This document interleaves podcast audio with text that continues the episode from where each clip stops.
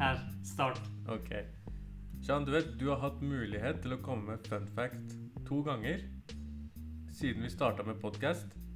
Hæ? Ja. Hvordan vet du det? ja, fordi jeg telte opp. Og begge gangene var de fun factene noen bummers. Og sist gang så ga jeg deg gratis latter, og det angrer jeg på. Fordi det Det er, er så ikke, det er, du kan ikke angre på det i etterkant. Jo, eh, men jeg la meg flat på ting. Og så her legger jeg meg også flat. Jeg syns dine fun facts de lever ikke opp til det du hauser det opp til. Men uh, velkommen. Ny episode. Nye muligheter. Nye muligheter. Jeg har ingen fun facts for i dag. Nei, bra. Ja, Da ikke foreløpig. Da slipper vi det. Ja. Jeg tenker vi hopper rett inn i Kaukasus. Let's do that. Let's do that. Kaukasus er jo et område mellom Russland, Tyrkia og Iran. Mye av det er jo under russisk kontroll. Og så er det en del stater som Aserbajdsjan, Ja, Armenia, men- Georgia. Men Russland er jo svært. For å beskrive hvor det ligger. Ja, Det ligger øst for Tyrkia, ja. ikke sant? Det, ligger, det ligger mellom Svartehavet og Kaspiske hav. Altså alt fra Kalmykia og Samara i nord. det er ingen som vet hva Kalmykia og Samara er. Ja, de, de, får, de får søke det opp. Okay. Det er nordtippen av eh, Kaukas, eh, hva heter det, Svartehavet og Kaspiske hav. ja. Og helt sør til på en måte eh, Georgia, Armenia, Aserbajdsjan. Mm. Eh, deler av nordøstlige Tyrkia og deler av nordlige Iran. Mm. Så det er sånn, det er sånn område med sånn fjellkjede imellom Mm. som skiller, på en måte. da. Ja. Eh, så det er et tynt bebodde område, men det er liksom litt sånn spennende folkeslag og Ja, hva skal vi si? Det er veldig store forskjeller mellom eh, religion og etnisitet her, da. Mm. Tydelige identiteter. Ja. Men hvorfor snakker vi om dette her, da? Eh, vi snakker jo om det pga. den konflikten som har blusset opp der, og utviklingene i det siste tiden. Så Mm. det har jo vært en konflikt mellom Armenia og Aserbajdsjan Ja. i nesten 100 år, Ja. kan du si. Ja. Du kan jo egentlig si de siste 25 ja. årene ca. Ja. Siden 1993, ja, 1993 Ja. så har det vært relativt stabil. Det har vært liksom Det har vært en krig. Det har vært en krig. Da var det en krig, Ja. og så har det vært litt sånn Fred. Men det har fortsatt vært liksom Ja. ehm, i, Senest i 2016, tror jeg, Ja. så var det en mindre konflikt som varte et par dager. Ja. Og så blusset den opp igjen nå 27.9. Mm. Men uh, hva er det Denne konflikten handler jo om et spesifikt område der. Mm. Ja. Så tingen er at uh, forrige gang, på tidlig 90-tallet, så tok jo uh, Armenia De var sterke. Eh, de tok over et område som heter Nagorno-Karabakh. Det er liksom en klave midt i Altså i Aserbajdsjan, da. ja. Og den enklaven består på en måte av armenere. Ja. Og alt rundt der var jo aserbajdsjanere. Mm. Eh, og Armenia tok både Nagorno-Karabakh og områdene rundt. Mm. Så det utløste jo flyktninger osv. Eh, begge sider led jo, ikke sant? Og begge sider hadde sine støttespillere. Mm. På den tid så støtta Iran, eh, altså sjiamuslimsk Iran, eh, støtta kristne Armenia. ja. Fordi Ja, Armenia er kristent, ja, Aserbajdsjan er muslimsk. sjiamuslimsk. Ja. Eh, og tyrkere. Altså Ja. de er tyrkere etnisk sett, og de er sjiamuslimer. Ja. Og det er diktatur, da, så det er en annen sak. Eh. Så sjiamuslimske Iran støtta Armenia. Eh, Sunnimuslimske Tyrkia støtta sjiamuslimske Aserbajdsjan. Ja. Eh, og Russland var liksom litt på begge sider. Mm. Eh, Israel var med i bildet, støtta Aserbajdsjan. Mm. Eh, så det var en sånn konflikt på den tid som I propagandaen så var det mye sånn religion og sånne ting, da. Ja.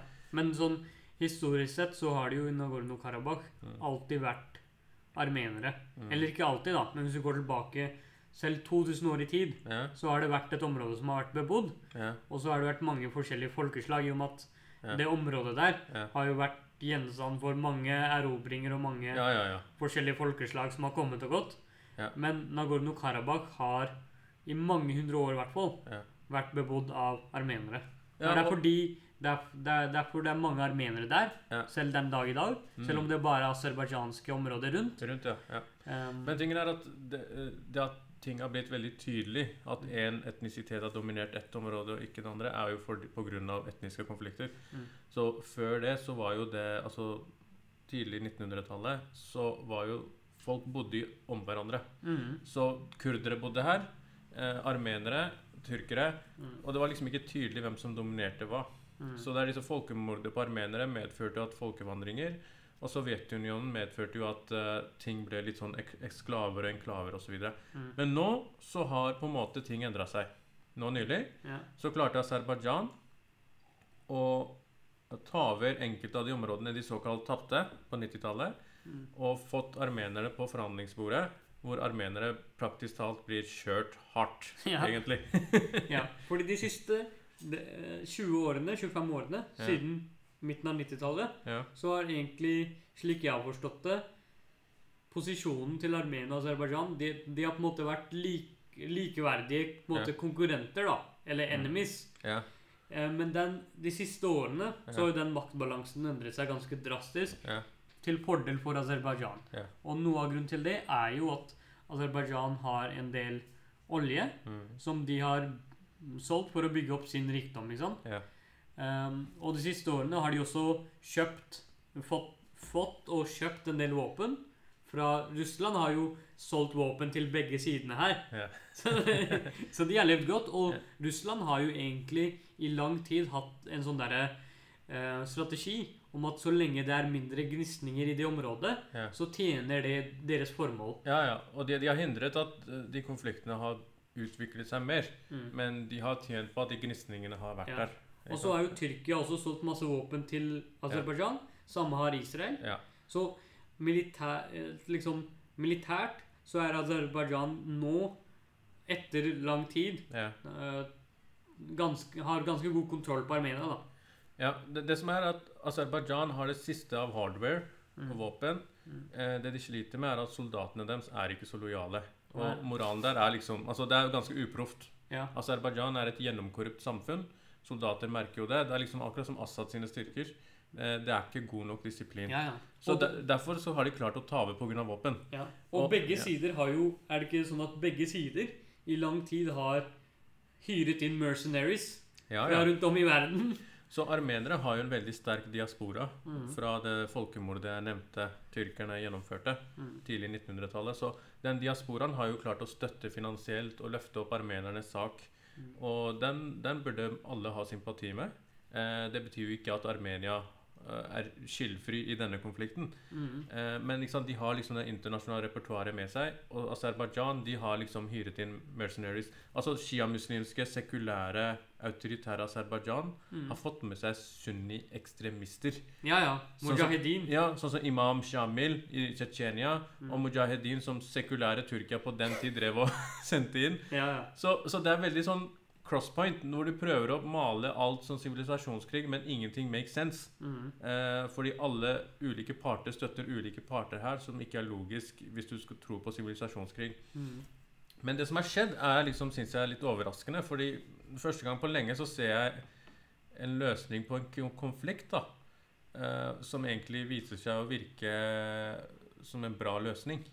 Mm. Hvis man eh, får eh, justert noe av eh, løsningen, Mm. så er den faktisk perfekt løsning. Og, vi, og hvis, før vi snakker om løsningen Ja, Hvis folk hører på podkasten nå og kan ta opp et kart ja. over Armenia og Aserbajdsjan, så tror jeg det vil hjelpe stort. Ok, gjør det. Ja. Så, så det som har skjedd, er at Aserbajdsjan har jo klart å rykke inn i områder som Armenia kontrollerer, som har vært aserbajdsjansk, da. Langs grensen til Iran. Mm. ok? Eh, og så har de klart å rykke litt inn i Nagorno-Karabakh fra sørsiden. Mm. Eh, og så har de klart å rykke bitte litt inn i nord. Mm. Så da ting stoppet opp og Armenia ga seg, så var det sånn Det var fordi de skjønte at nå er de kjært. Så selve Armenia var sikker pga. fjellkjeden. Mm. Men resten hadde vært tapt. Så de måtte gi seg. Så hva sier avtalen? Jo, alt det Aserbajdsjan kontrollerer nå, det går til dem. Mm. Og de neste ukene så kommer resten av områdene som Armenia har tatt over, tidligere Aserbajdsjans område, det skal gå over til Aserbajdsjan. Og Nagorno-Karabakh skal ha sånn såkalt fredsbevarende styrke fra Russland. Og så skal det være en sånn korridor Ja. eh, som skal gå til Nagorno-Karabakh, mellom Armenia og Nagorno-Karabakh. Mm. Og det skal være en korridor mellom eh, enklaven eh, til Aserbajdsjan, som heter okay. Nasjervan. Ja. Det er den som grenser til Tyrkia, da. Ja. Så det skal, den er Og klar. fordi det- er en, et landområde Ja, i Armenia som grenser til Iran ja. eh, Og Tyrkia. og, og litt Tyrkia, Mm. som er måtte, Kuttet av kuttet av fra Aserbajdsjan, resten av Aserbajdsjan. hovedlandet Ja, ja. deres. Men, men tingen er at de kan jo gå gjennom Iran. Mm. Men det kan man ikke gå inn i Nagorno-Karabakh. Det er jo kutt, avkuttet fra hele Ikke Ja. sant? Så det, det er derfor jeg syns avtalen virker bra. Fordi landområdet som er okkupert, kommer til å tilfalle riktig part. Problemet er at deler av Nagorno-Karabakh også tilfaller Aserbajdsjan. Så da er konflikten fortsatt litt der. Mm. Bare at man har redusert området konflikten handler om. Ja. Og så ser jo vi nå nylig, altså i dag, Mm. at uh, armenere som bor i hovedsakelig aserbajdsjanske områder, Ja, som nå, og områder som nå blir aserbajdsjanske, ja, flykter fra de områdene nå. ikke sant? Noen av de flyt, flytta inn dit da Armenia tok over. Mm. Og det er trist. Mm. Uansett hva som skjer, så skaper det flyktninger. Eh, men det jeg skulle ønske, det var at jeg håper at Nagorno-Karabakh i sin helhet går til Armenia. De kaller jo Nagorno-Karabakh egentlig for en egen stat, da. Mm. Sånn Ja, ja. teknisk sett. Artasjk, et eller annet. Mm. Uansett så håper jeg det går dit, og at man får slutt på disse grensekonfliktene. Fordi de to landa der har mye å hente på handel. Mm. Og det er noen rørledninger som kan gå direkte fra Baku til Tyrkia gjennom Armenia istedenfor å gå nord gjennom Georgia og sånt. Mm. Ja, ja, Det er en stor omvei. ja, ja, det er stor omvei. Man tjener mye på det. Og så får man slutt på den konflikten. Så får man også slutt på den propagandaen, det hatet man har mot armenere. Både Aserbajdsjan og Tyrkia har en sånn skikkelig hat mot armenere. Og de nekter jo både å anerkjenne folkemordet på armenere tidlig 1900-tallet, og det er fortsatt disse stereotypiene, da. Mm. Så får man slutt på dette her, så får man også slutt på de andre tingene. Mm. Problemet er jo f.eks. alle har sine interesser her, til og med Iran, som er sjiamuslimsk. Eh, 24 eh, 25% av deres befolkning er aserbajdsjanere. Aserbajdsjanere er en sterk folkegruppe som historisk har styrt Iran ganske lenge. Mm. Safavid-dynastiet var aseriere. Eh, og de er turkere, ikke sant? Mm. Så Iran er litt sånn derre De vil ikke støtte Aserbajdsjan. Så Mm. Jeg syns det er veldig interessant da, hvordan Jeg håper bare at den siste justeringen på dette her blir slik at man slipper de gnisningene. Mm. Men det sier litt om hvordan disse partene her er med på å ikke finne gode løsninger andre steder. Mm. Spesielt Syria, da. Mm. Ikke sant? Her klarer man raskt å sette inn fredsbevarende styrker, Mm. men i Syria er man ikke villig til å på en måte Ja. få til en Men det, det er jo samtidig også et veldig lite område. Ja, Altså Befolkningen i Nagorno-Karabakh er 146 000 mennesker. ja, Det, er, det er mange, men det er ikke Ja, så mange. ja, men det er det som Det er, hvor, hvor stor er befolkningen i Oslo? ja, ikke sant? 600 000? Ja, ikke sant? Det er Ja, ja. Så, så dette er jo et fjellområde. ikke sant? Men, men jeg tenker at Russland er med på å skape millioner på millioner av flyktninger i Syria. Og her så skal de plutselig sette inn fredsbevarende styrker. mm. ikke sant? Og Tyrkia også, som har satt at de er sunnimuslimers hjelpere i Syria. Mm. De ødelegger jo for konflikten ved å angripe kurdere der. Så Mm. Em, ønsker man, så klarer man å få til løsninger. Men, og, men dette området her, mm. altså det er jo ikke noe Det er ikke noen naturressurser der engang. Nei. Nagorno Ja. Uh, betyr jo egentlig fjellområde. Oh, ja. Så det er jo Karabakh okay, som okay, er, ok, er området, ikke sant? Greit. Så du har Nagorno-Karabakh, Ja. og så har du jo på en måte Området. øvrig Karabakh. Ja. Som er det området som ligger Ja. både til øst og sør for Ja. Karabakh. Ja. Eh, men ikke sant, dette er sånn, veldig sånn der, sårende for armenere akkurat nå, Mm. rundt om i verden. Eh, du ser jo til og med Kardashians har jo vært veldig på å fremme den saken her, ikke sant? Mm. og de snakker jo om dette folkemordet og anerkjenner det også. Ja. Armenere er en av de få sterke kristne folkegrupper igjen i Midtøsten, mm. sammen med asyrere og georgere og for det, det er en interessant ting her. Det er jo en del av Midtøsten. Det er en del av Midtøsten. Og det blir regnet som del av Midtøsten eller Europa. da? Mm. Så, men historisk det har vært en del av Midtøsten. Ja. Og så ligger det også Altså, det ligger sånn til på verdenskartet hvor det er liksom Ingen ser dit engang. Nei, nei, det er, det er litt sånn rart. Ja. Uh, Og det er jo veldig interessant, liksom eh, det, det grenser både til Iran til, Ja. til, Det grenser til stormakter, da. ja, Og så er det to bitte små stater der. Ja. Og Armenia i hvert fall er jo eh, ja, men det jeg vil si er at Russland har jo egentlig klart å kjøre Armenia hardt. da. mm, De skulle liksom være beskyttere av kristne staten. mm. Eh, og så klarer de liksom ikke å stoppe den der eh, fremgangen til Aserbajdsjan.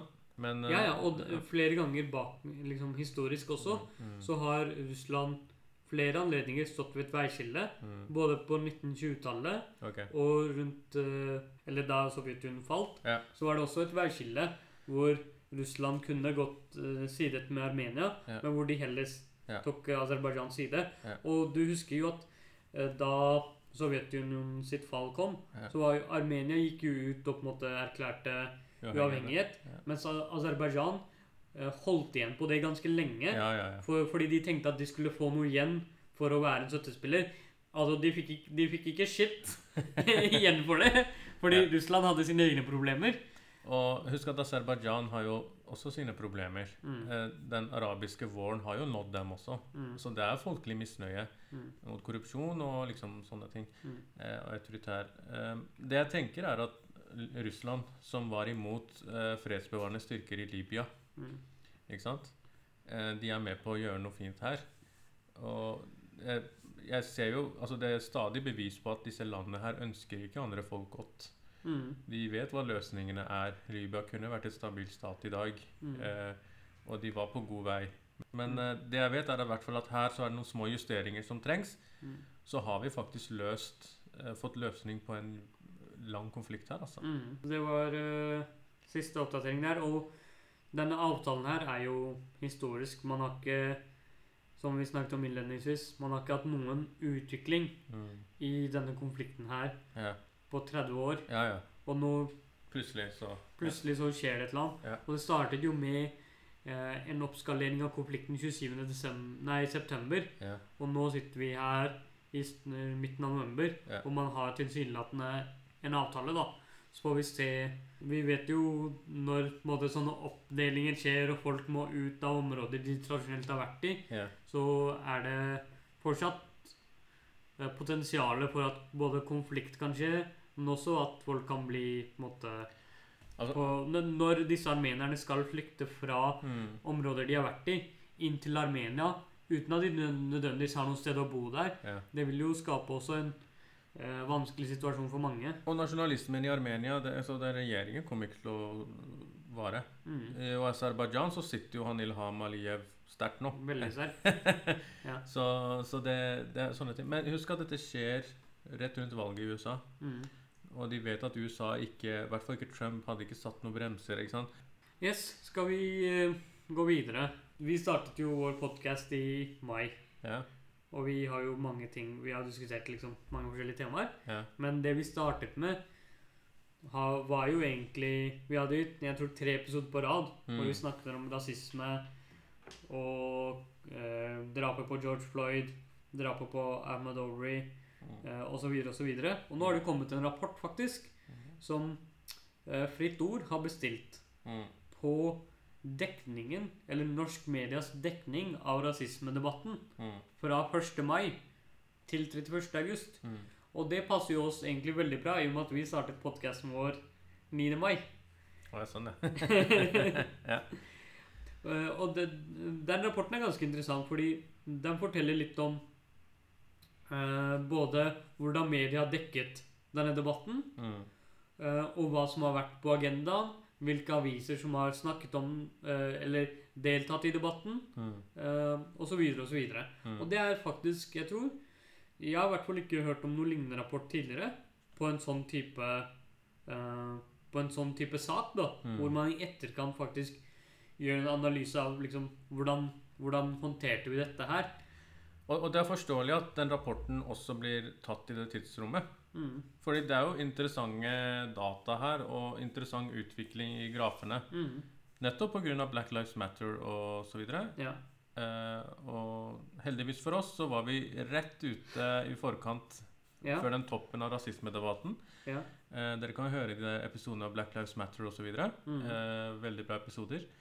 Eh, så er det noe interessant som eh, liksom skiller seg litt ut, Mm. som vi mener har blitt sånn, hatt en underdekning. da. Mm. Altså En ting er at dette med statudebatter og rasisme, politivold, ikke sant? Yeah. Det der. Eh, og, og så har dette det andre aspektet, dette med diskriminering i arbeidslivet. Mm. Den har liksom holdt seg litt sånn litt i bakgrunnen. Ja, og fordi når de har gjort denne rapporten her, så har de faktisk sett på hvilke tematikker som har blitt dekket, Ja. eller temaer, for det er liksom liksom, Det er politivold, det er hverdagsrasisme, det er eh, statuer Det er på en måte mye forskjellig eh, som har blitt diskutert. Ja. Og så ser man at diskriminering i arbeidslivet, som er, er 2% av alle sakene, som jeg vil si er kanskje noe av det viktigste Altså Noe av det viktigste i den forstand, da, at det er jo på en måte en såkalt strukturell del. Mm. Ikke sant? Mye av rasisme er jo ute i samfunnet. Mm. Du er ikke kontraktsmessig bundet inn i et forhold. Nei. Du opplever rasisme på gata eller sant, sånne ting. Men her er, du, her er du nødt til å ha jobb. Du er nødt til å dukke opp i et intervju. Du er nødt til å jobbe med en sjef eller kollega som kan utsette deg for rasisme Mm. og diskriminering. Ja. Og så Det er jo det systematiske aspektet her. Mm. Eh, og den mener jo altså Jeg vet jo at du og Ismail, eh, en venn av oss, har jo vært engasjert i nettopp dette her eh, med en artikkel ute i media tidligere. Mm. Ja, fordi eh, i juni, eller juli, Mm. midten av juli cirka, så dukket det opp en sak i E24 Mm. som ble skrevet av Torbjørn Røe Isaksen og eh, en annen person. Mm. Tittelen på det innlegget var 'Krisen gir oss muligheten til å bygge et inkluderende arbeidsliv'. Mm. I enhver krise ligger det også en mulighet. Ja. Og der stilte vi oss veldig undrende til, spesielt i det private når koronakrisen skjedde. Ja. Så har det vært sånn Hvordan holder vi, holder vi oss oppe? Hvordan sørger vi for at vi kan eh, fortsatt levere positive resultater? Mm. Sånne ting. Og mens disse her begynte å prate om at nå skal vi bygge et inkluderende arbeidsliv midt i en krise. Vi kan jo dele den artikkelen på nytt Mm. eh, på vår eh, Facebook-gruppe Mm. eh, for lytternes del. Ja. Eh, Og, det, og det vi pratet om, var at det må være mer enn bare Agurknytt. For Ja. dette her var jo Det er samme kopi av samme ting tidligere. Ja, og De, de, begge de to hadde skrevet en, skrevet en artikkel sammen Ja. et år tidligere Ja. om nesten nøyaktig det samme. Så, så, så jeg har to ting eh, eh, jeg vil nevne. Mm. Eh, og det første er at eh, når man snakker om mangfold i arbeidsliv med sånne patosartikler som Mm. dette her, så glemmer man klasseperspektiv her. Okay. La oss si da, man sier man trenger mangfold i ledelsen osv. Uh, og du kan godt få halvparten i ledelsen til å være kvinner. Og du kan godt få at 20% i ledelsen er minoriteter.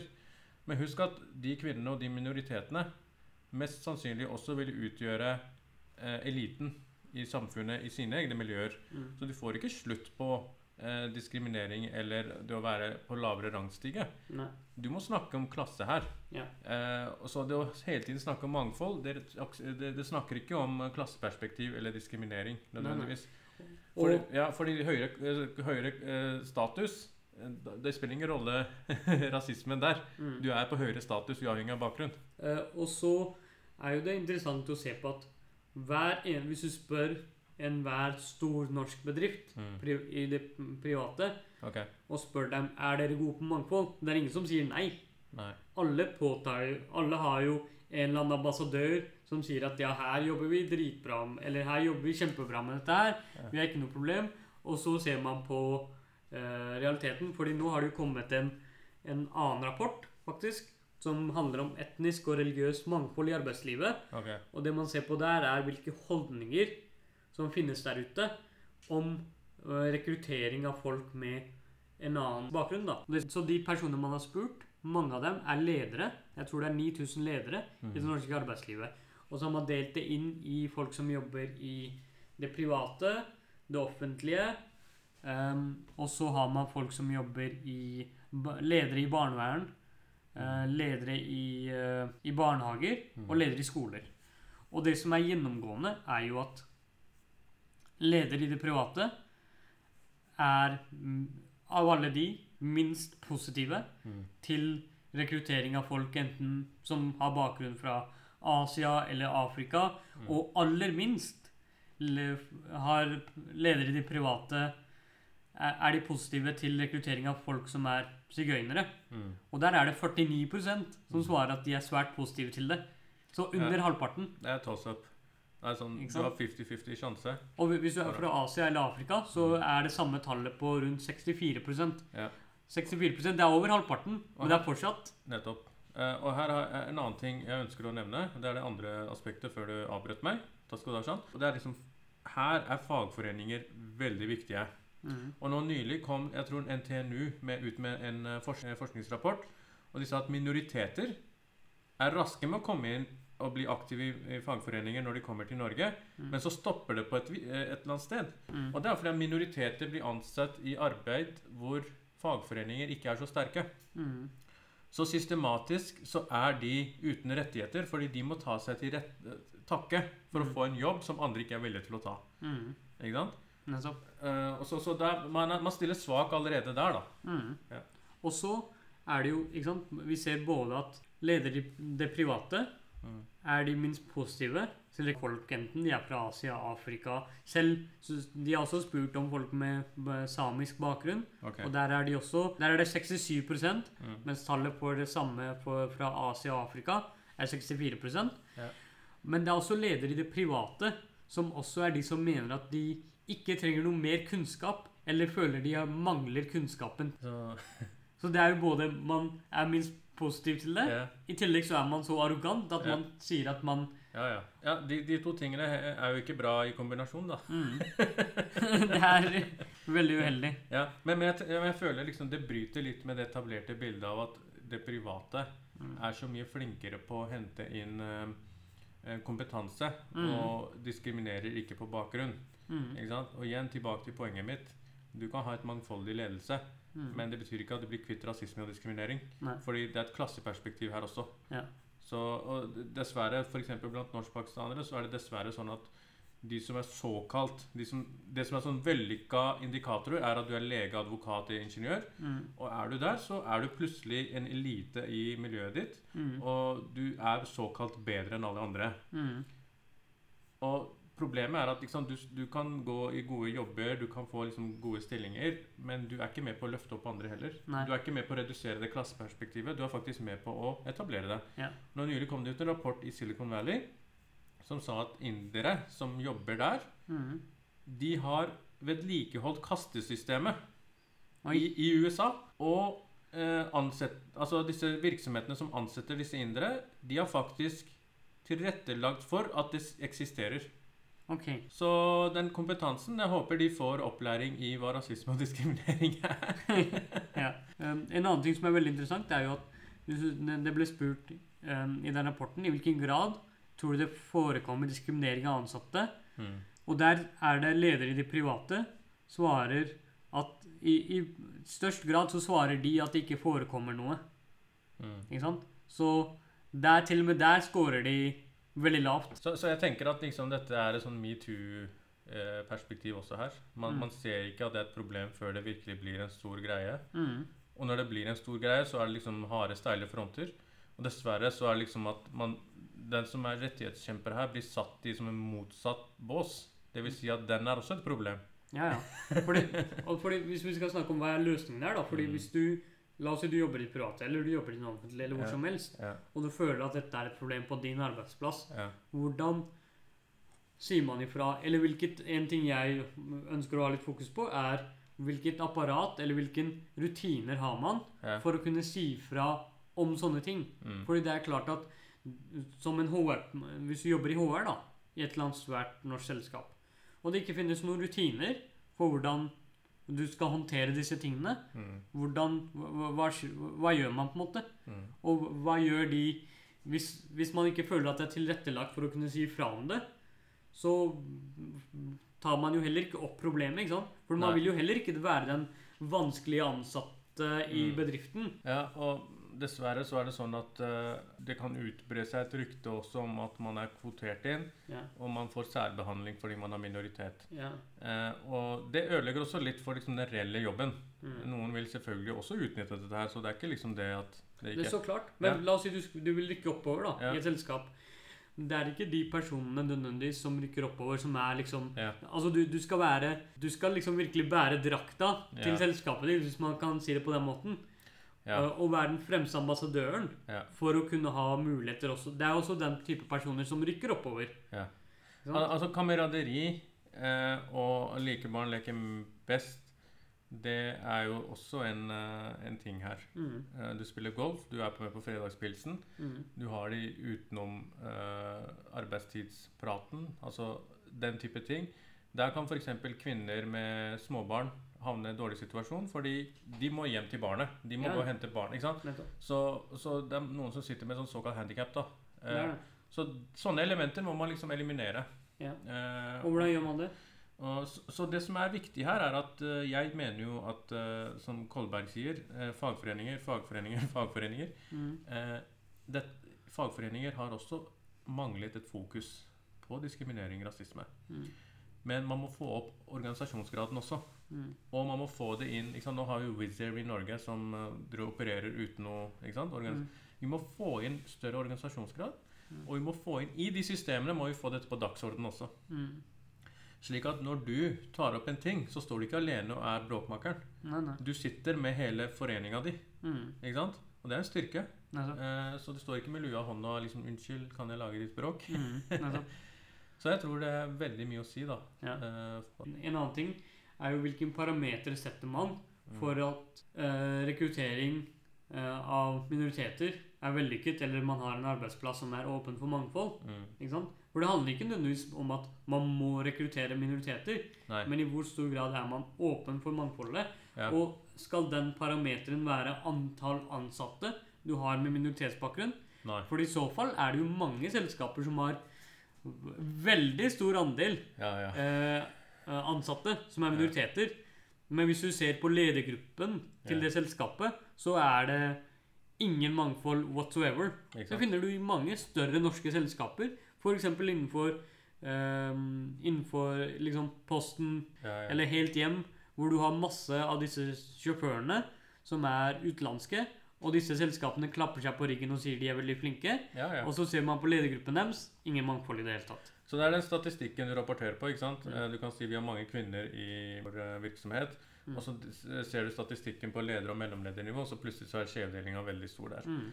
Eh, og selv på kvinner som utgjør halvparten av landets befolkning, der, selv der er det problemer. Mm. Eh, så dette er holdningsarbeid. Eh, jeg er Og- bare redd for at my mye god kompetanse forsvinner pga. Eh, eh, rasisme, diskriminering Mm. og iboende eh, holdninger som man selv ikke er oppmerksom på. da. Det er den viktigste arena for at du er en del av samfunnet. Mm. Eh, så det, det må vi selvfølgelig Altså, Jeg syns man skal ha en ærlig debatt og si at det fins folk blant minoriteter som utnytter ting. Alt sammen. Det er ikke noe Men ikke, det må ikke skorte på liksom andre siden. Mm. Og det gjør det akkurat nå. sant? Det, det svikter der. Ja. Eh, men så er det sånn um, Hvis vi går litt videre og er innafor samme tema eh, Innvandrersmitte.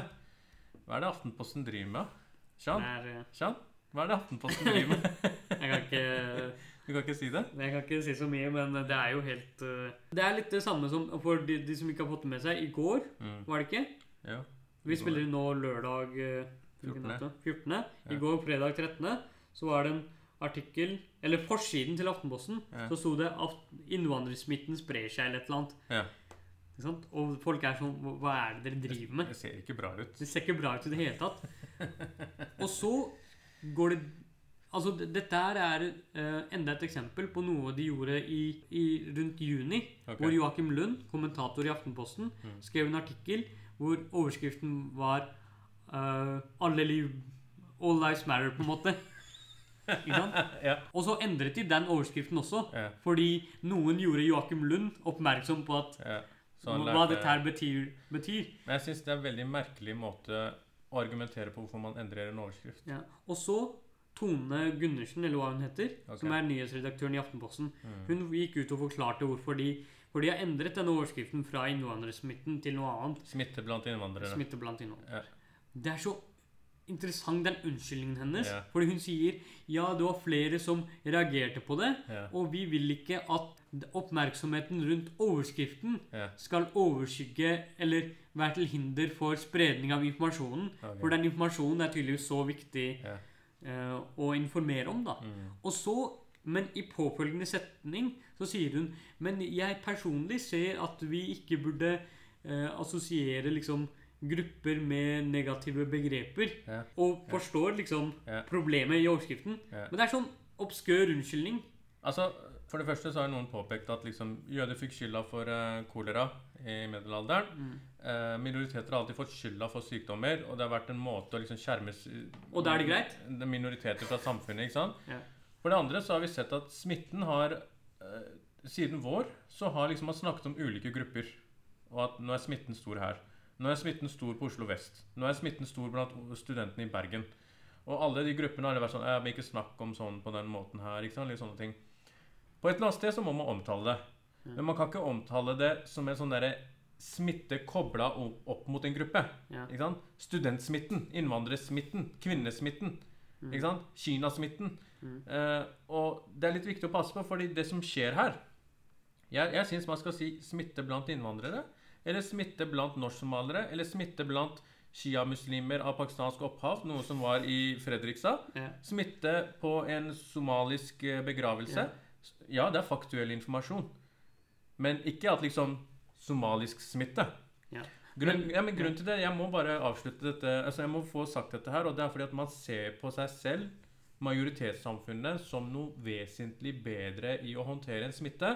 Når du har en Donald Trump i USA som har stått alene pga. sin inkompetanse, som har stått for over 250 000 menneskeliv i USA. Så han har stått for så mye menneskeliv i USA, og du har anti-lockdown measures der. Du har eh, eh, du har eh, koronaskeptikere som driver og protesterer i gatene i Berlin.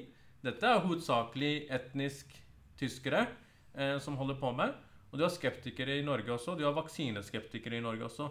Så ikke tro at dette det er liksom en bedre opplyst befolkning som har generasjoner som har vokst opp med godt skole- og helsesystem, som er noe særlig mye bedre. Ja. Og, men jeg tror også at poenget til Aftenposten med å Mm. skrive den artikkelen, var for å si at eh, smitten blant innvandrere Mm. sprer seg, eller øker, Ja. eller whatever. Ja. Så kommer Så- det kortslutning et sted. Så det er et, et eller annet sted så er det ingen der som sier Eller som har den forståelsen, Ja. som kan si at Vet du hva, det der ser litt uheldig ut.